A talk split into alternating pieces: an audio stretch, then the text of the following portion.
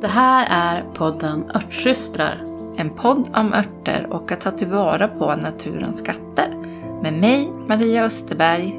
Och mig, Anna Rosenblom. Hej Maria! Hej Anna! Hur är läget hos dig?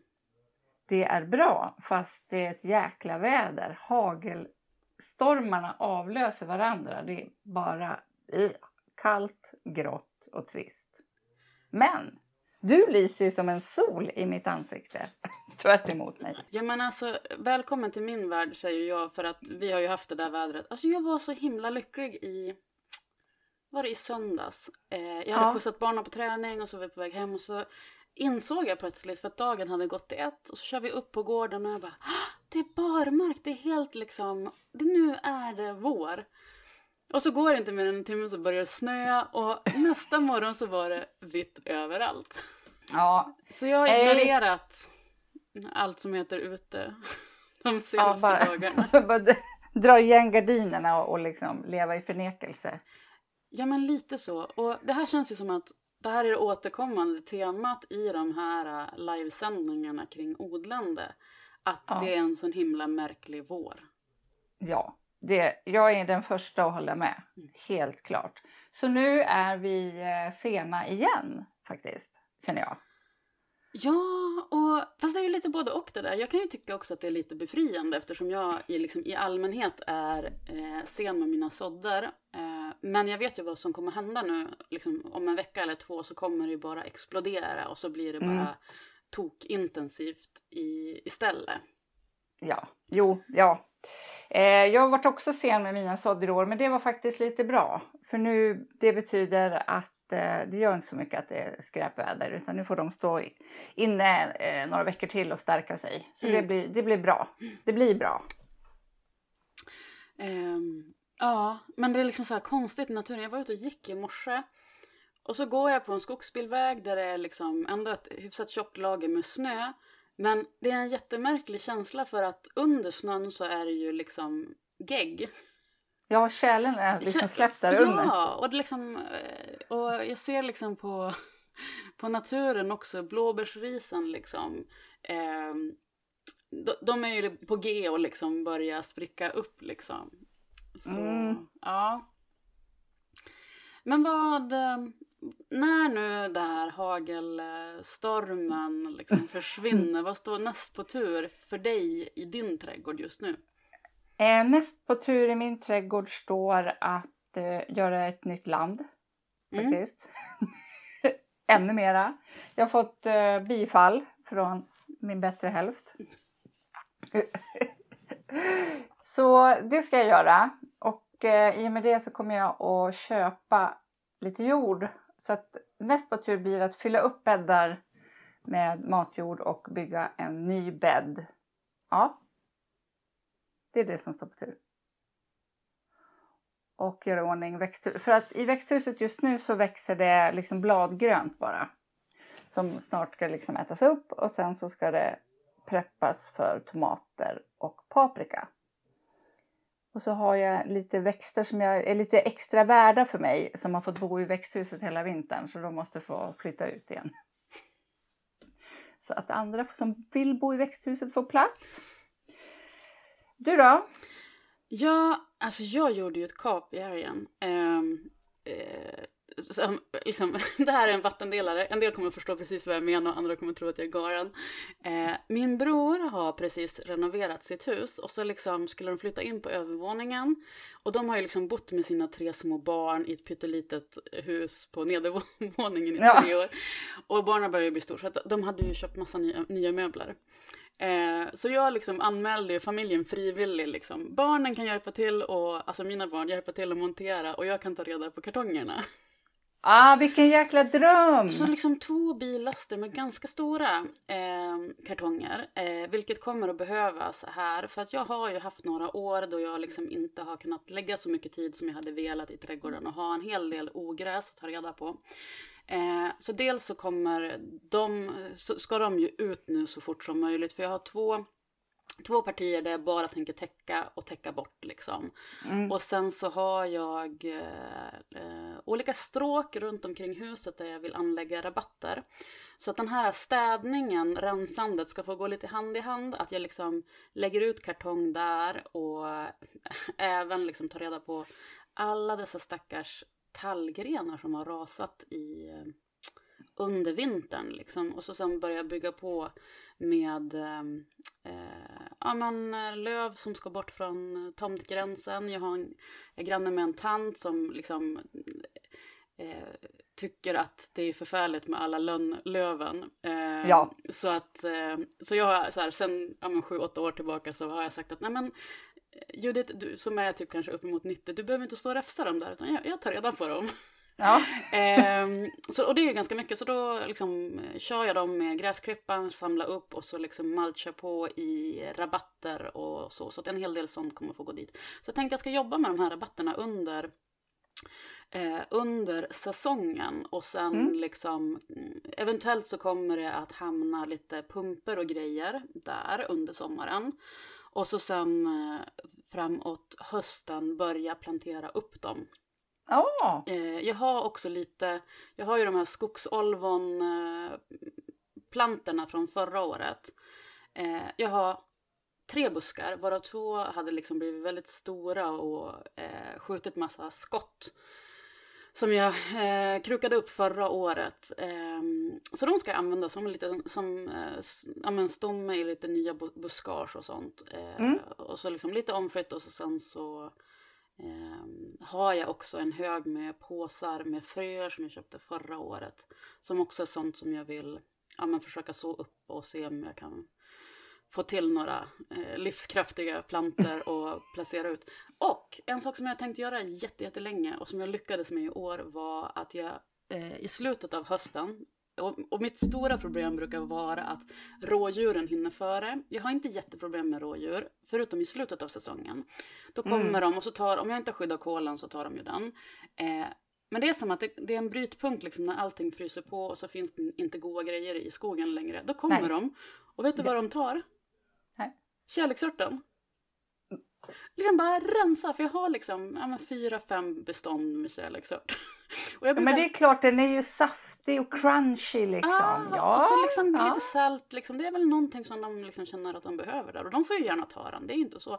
Men då har jag tänkt varje år att jag ska ta in en, en bukett liksom. Och så sen så får de stå, för de eh, Rotar eh, sig. rotar sig ju så jäkla lätt. Eh, och det är ganska, ganska intressant att följa den processen. För det som hände var liksom att de rotade sig, har det kommit som nya skott på de här. Och så blev de liggandes, men de är ju så himla livskraftiga. Så att jag, Ja. jag hittade dem där för någon månad sedan. Och så liksom plockade jag lös, lås, lös dem och så la jag dem bara i lite liksom, fukt för att se, liksom, se om de skulle fortsätta eller om de var liksom, på väg att eh, dö. Så nu har jag massa små pyttekärleksörtsplantor som jag tänkte, Ah. de ska dutta ut i ett brätte och så ska de få stå och ta till sig. Eh, för det är liksom är ju en sån himla fin växt och särskilt på hösten när det liksom Ja. ganska mycket försvinner eh, bort. Um, sen har jag sått rosenflockel för den har jag ju varit sugen på länge. Vi får se om Mm. den tar sig i, i år. Jag tänkte, eh, jag har läst på lite grann om den och jag tänkte fjäska lite med den. Ja. Ehm, Den kallas ju för gravel root på, på engelska och är en, en ört eh, som används, där roten används för att lösa upp eh, njurstenar. Eh, Mm. Och eh, jag har använt den främst till en, en katt som jag har som har lite besvär med urinvägarna ibland. Sen så tycker är den, den är också lite, den har ju lite samma färg på blommorna som kärleksörten. Så det är ja. därför jag associerar till den. Eh, nej men fin helt enkelt. Vad kul! Jättespännande att se för jag gav upp på den förra året. Ja, Ja. Och tänkte Ja. den struntar jag i år. Eh, så- Nej, och den, den grodde inte heller. Nej. För att den, jag kollade på, jag tror att det kan vara en frökvalitetsfråga så jag har inte Ja, jättehöga förhoppningar. Så jag tänkte jag ska försöka se om jag kan få tag på den i, i plantform också. Men den var ju Mm. som lustig för att den är som, den är ju lite lik eh, maskrosfrön. Alltså Mm. den var lite så flygig och så. Ehm, så nu så sådde jag den eh, och täckte den inte utan tänkte bara täcka den med lite värmekulit så liksom det Mm. hålls fuktigt och att den får ljus. Ja, jag tror jag gjorde så, men den bara... Nej. Det kanske var för varmt, det kanske var för kallt, vad vet jag. Ja.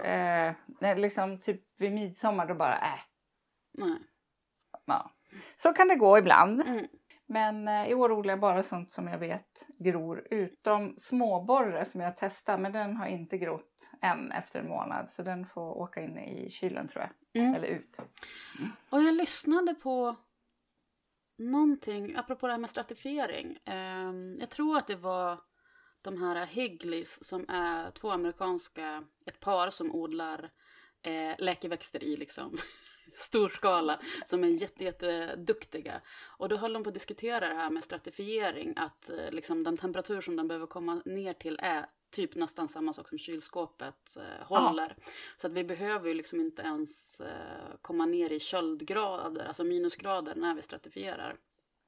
Nej, egentligen skulle det funka att ställa ut det kanske. Jag kanske ska prova det. Ja, Ja, Särskilt när det är grisigt väder. ja faktiskt. Men du har ju, du har ju några svåra som, som, tog, som grodde förra året. Eh, Läkesilveraxeln bland annat. Kan vi få Ja. en uppdatering på den? Den mår hur bra som helst. Den har fått eh, övervintra i växthuset. Och eh, är nu, ja, har liksom gjort kvistar som är 50-60 centimeter, ett par stycken. Så det börjar bli en buske nu. Mm. Eh, en riktig, för det blir ju en buske. Eh, så den har klarat sig utmärkt och eh, fått stora fina rötter så den ska få flytta ut i trädgården. Ah, ja, men Till vad sin spännande. perman- Det här är ju stort. Ja, ja det är stort. Ja. Gud vad det var roligt. Mm. Eh, Vad, var det, vad, det är- vad var det för frökälla? Fröet som grodde, var hade du köpt det? Har du koll på det? Nej, det var verkligen en idiotfråga. Jag förstår om du inte kan svara på det. Absolut ingen aning. Eh, jag vet inte. Mm. Det, kan, det kan vara någon av de stora, någon liten. Mm. Eller så kanske det var den här örtklubben. Jag kommer inte ihåg. Nej. Ja, men jag förstår. Eh, för det är verkligen en sån Men det här lyckades. som man har köpt i olika former från olika ställen genom åren. Ja, så jag, den är jag superglad för. Och så är jag verkligen, verkligen, verkligen superglad att jag lyckades övervintra en kransborre. För de har dött för mig varje vinter. Ja, det där är så märkligt. Eh, Ja. Men det är väl leran som vanligt. Ja, det blir för kallt för rötterna, det tror jag. Att de liksom bottenfryser på ett annat sätt än vad de kanske gör hos dig. Ja, men här så är de ju inte heller, här är det ju inte heller så att de alltid överlever utan det har varit lite olika från år till år. Så eh, liksom förra vintern till förra sommaren så var Nej, året innan så hade jag ganska många som överlevde men sen förra året så var det, tror jag att jag bara hade en kvar. Eh, Ja. Av ursprungligen kanske tio stycken. Och då hade jag ändå varit ganska noga med att ehm, eh, sätta dem i, liksom, på väldränerade ställen. Eh, Ja. Men ehm, det kan ju ha varit liksom en, det har varit för torrt på hösten också. Att det är det som har liksom gjort att de inte har, har överlevt. Kan vara. Mm. Men det som, var, det som lärde mig var ju att jag ska eh, ta in några planter där i växthuset för vintern. Och så är jag superglad för jag fick en humlepla- humle har jag försökt och driva upp från frö. Det rekommenderar jag inte. Eh, men förra året fick jag av örtsystern Hanna flera planter från hennes prakthumle. Eh, och de var väl lite sådär motvilliga i fjol. Det var, ja, men de fick bo i en kruka i växthuset och nu är de bara hur gröna och kraftiga som helst. Så de ska också Okej. få flytta ut till en permanent plats. Ja men vad härligt. Mm, så det är jag lite glad Mm. är jag för dem. Mm. Och så har jag fått upp stevia i år. Det gör mig också jätte, jätteglad. För det är en envis jäkel. Ja, men alltså min magkänsla är att det är stevia år. Jag sådde, det var ju bara häromdagen som jag sådde min stevia. Eh, men liksom känslan var att man, nej men i år, i år tror jag det, det tar sig. This is the year liksom. Ja, en-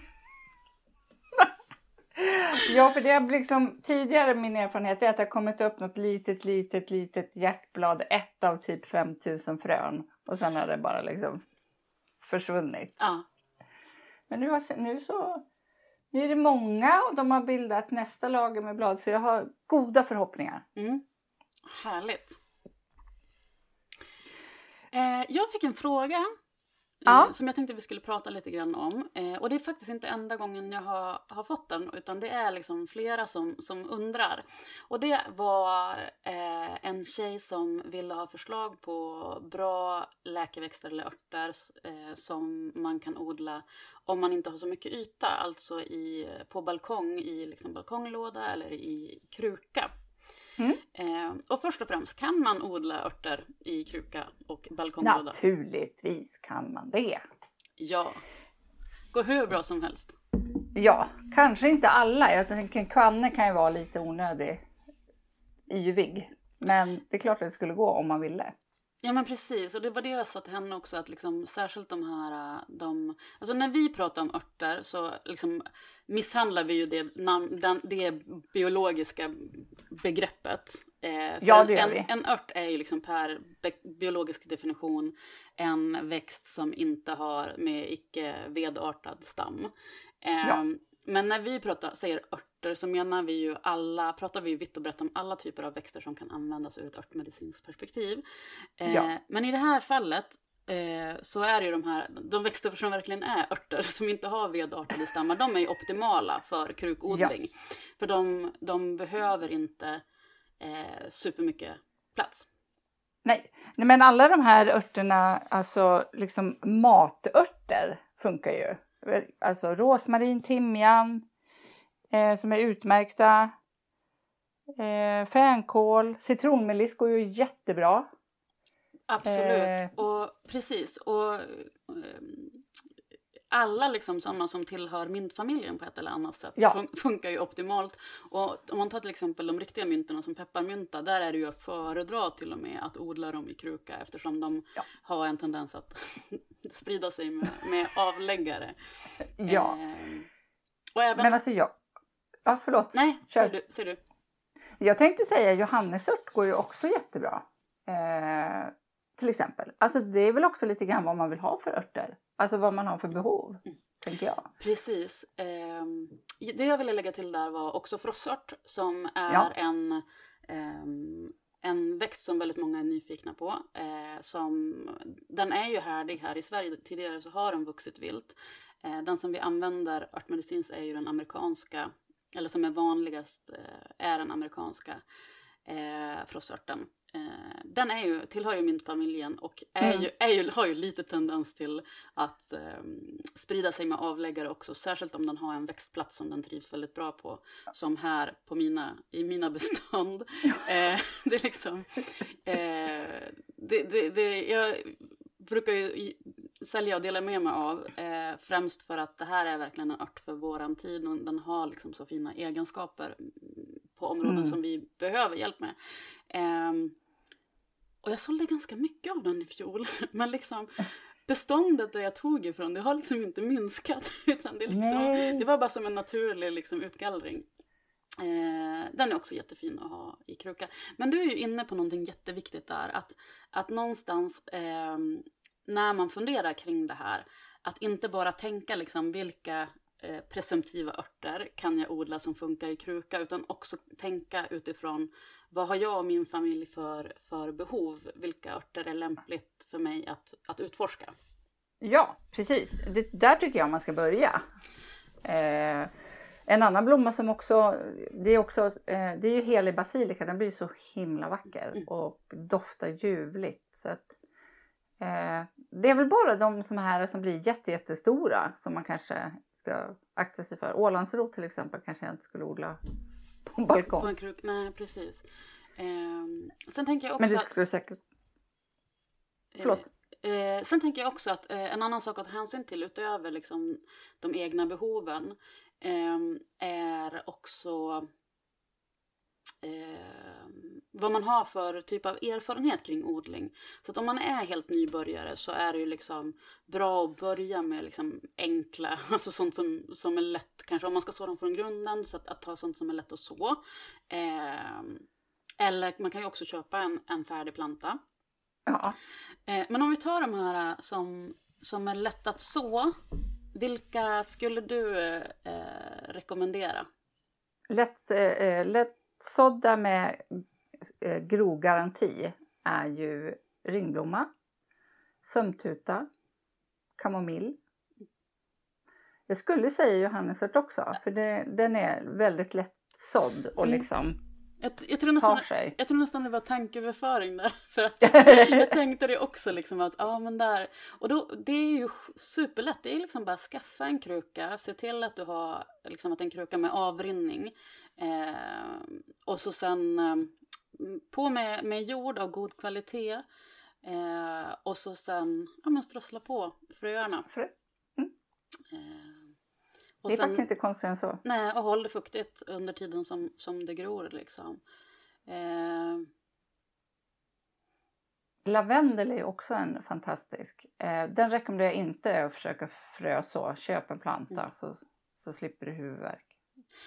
Ja, ja precis. Eh, och där, eh, om man vill eh, om man vill gå den vägen, för jag, jag, alltså vi som håller på och odlar, vi vill ju, man blir ju lätt lite så här nördig och så vill man så Mm. allting själv från grunden. Men det finns ju liksom ingen, inget självändamål med det. Och någonstans så får man ju vara pragmatisk också, är man mitt uppe i småbarnsåren. Eh, eller ha en livssituation där man inte har så himla mycket tid så är det ju jättekäckt att bara kunna ja, men, köpa några planter och eh, kruka upp dem och så kunna njuta av att få vara i Ja. närheten av örter utan att behöva lägga massa tid och energi på det. Ja, det tycker jag. Då tycker jag det är viktigare att man har en liten örtagård än att man liksom gör allt från grunden. Mm. Att man får liksom ha det, lite grönska, lite doft. Bara liksom få sitta bland sina örter på sin balkong en sommarkväll. är ju mer än att man ska hålla på och ävlas. Om man inte riktigt känner för det.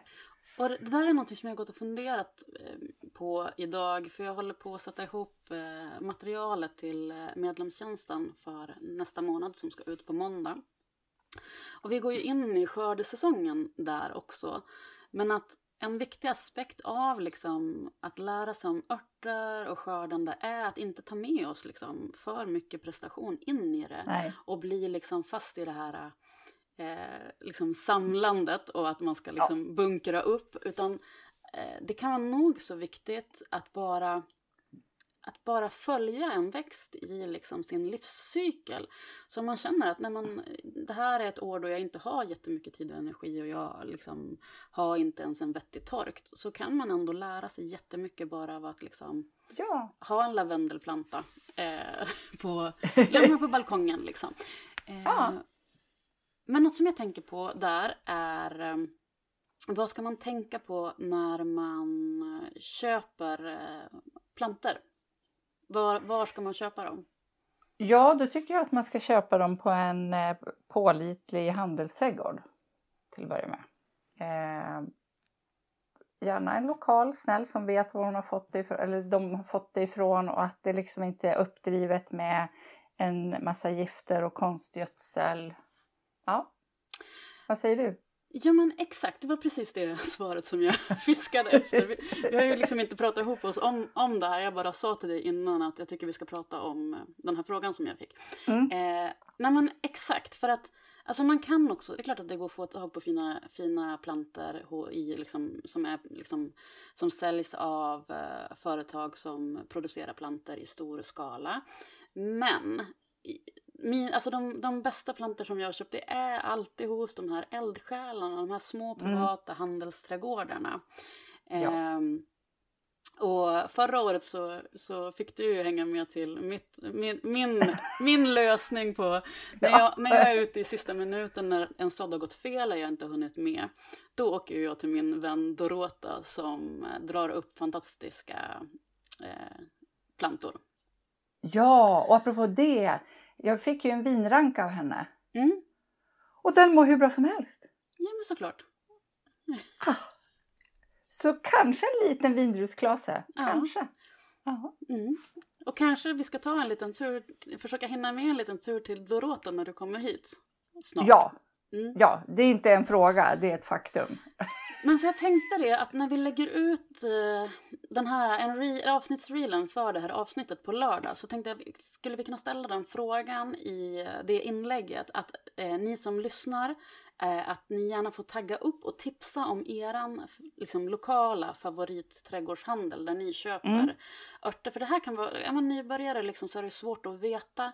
Och jag kan bli så ledsen ibland när man ser eh, ja, men folk som precis har liksom hittat ett, ett trädgårdsintresse och så har de, eh, går de in på någon av de stora kedjorna och lägger liksom tusentals med kronor på liksom eh, planter som inte är in, alltså de, de, skulle kunna få så mycket bättre planter liksom, mm. med så mycket bättre livskraft hos en, en lokal småskalig odlare.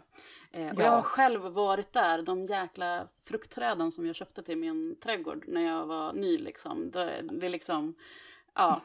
Eh. Så det vill vi gärna eh, att ni ja, är... tipsar om. Ja. Jag har ett tips. Nu har jag aldrig varit där, eh, men jag är helt, eh, helt övertygad om att det är ett riktigt bra ställe att köpa plant på. Och jag vet att hon också har ett specialintresse just för läkeväxter. Och det är ju Källmossa gård som jag tror håller, på, håller till någonstans i Hudiksvallstrakten. Någonstans mm där mittemellan eh, Övik och Uppsala.